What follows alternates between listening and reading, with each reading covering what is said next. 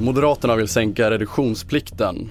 Fyra veckors häktning efter massskjutningen i Oslo och fängelsedom för polisattacken i Örebro. Det här är rubrikerna i TV4-nyheterna. Men vi börjar med att Moderaterna utfärdar ett vallöfte om att sänka reduktionsplikten till EUs miniminivå som enligt partiet kommer innebära att dieselpriset skulle bli 5 kronor lägre. Även bensinpriset påverkas men inte lika mycket. Reduktionsplikten innebär ett krav på inblandning av biodrivmedel i bensin och diesel och plikten ska öka successivt fram till 2030, något Moderaterna vill ändra på. Eh, reduktionsplikten är ju störst på diesel och här gör minst 5 kronor. Det kommer antagligen att göra lite till, men jag vill ändå använda försiktighetsprincipen.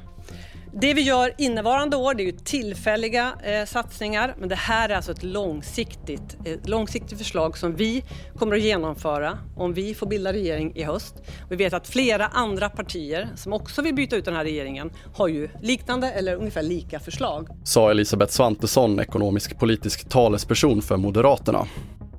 Och vi fortsätter i Norge där Sanjar Matapour begärs häktad i fyra veckor efter massskjutningen i Oslo under fredag natten och Matapour försätts även med brev och besöksförbud i fyra veckor och medieförbud i två veckor. Det rapporterar VG.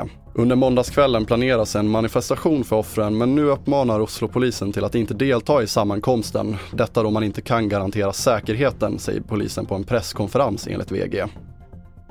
Och vidare till Örebro där de fyra män som stod åtalade för grovt blåljussabotage under påskupploppen döms till fängelse. Fängelsestraffen skrivs till mellan fyra och fem och ett halvt år där även två av männen döms till utvisning. Männen kunde identifieras genom filmer från platser och samtliga neka till brott. Ja, det har inte varit så svårt att komma fram till att de varit skyldiga eftersom det har funnits väldigt bra bevisning i form av filmer där man ju tydligt ser att de här fyra tillhör de som kastar ett flertal stenar var mot polisen sa Lars-Gunnar Lund, lagman på Örebro tingsrätt. Och vi avslutar med dödsfallen under gårdagen på en sydafrikansk nattklubb där polisen fortsätter utredningen.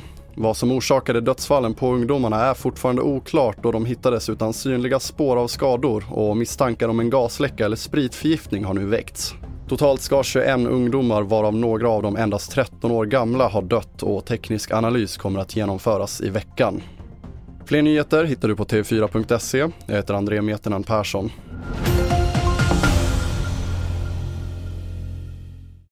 Med Hedvigs hemförsäkring är du skyddad från golv till tak oavsett om det gäller större skador eller mindre olyckor.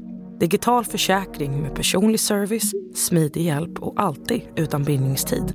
Skaffa Hedvig så hjälper vi dig att säga upp din gamla försäkring. Hedvig Hemförsäkring, ett klick bort.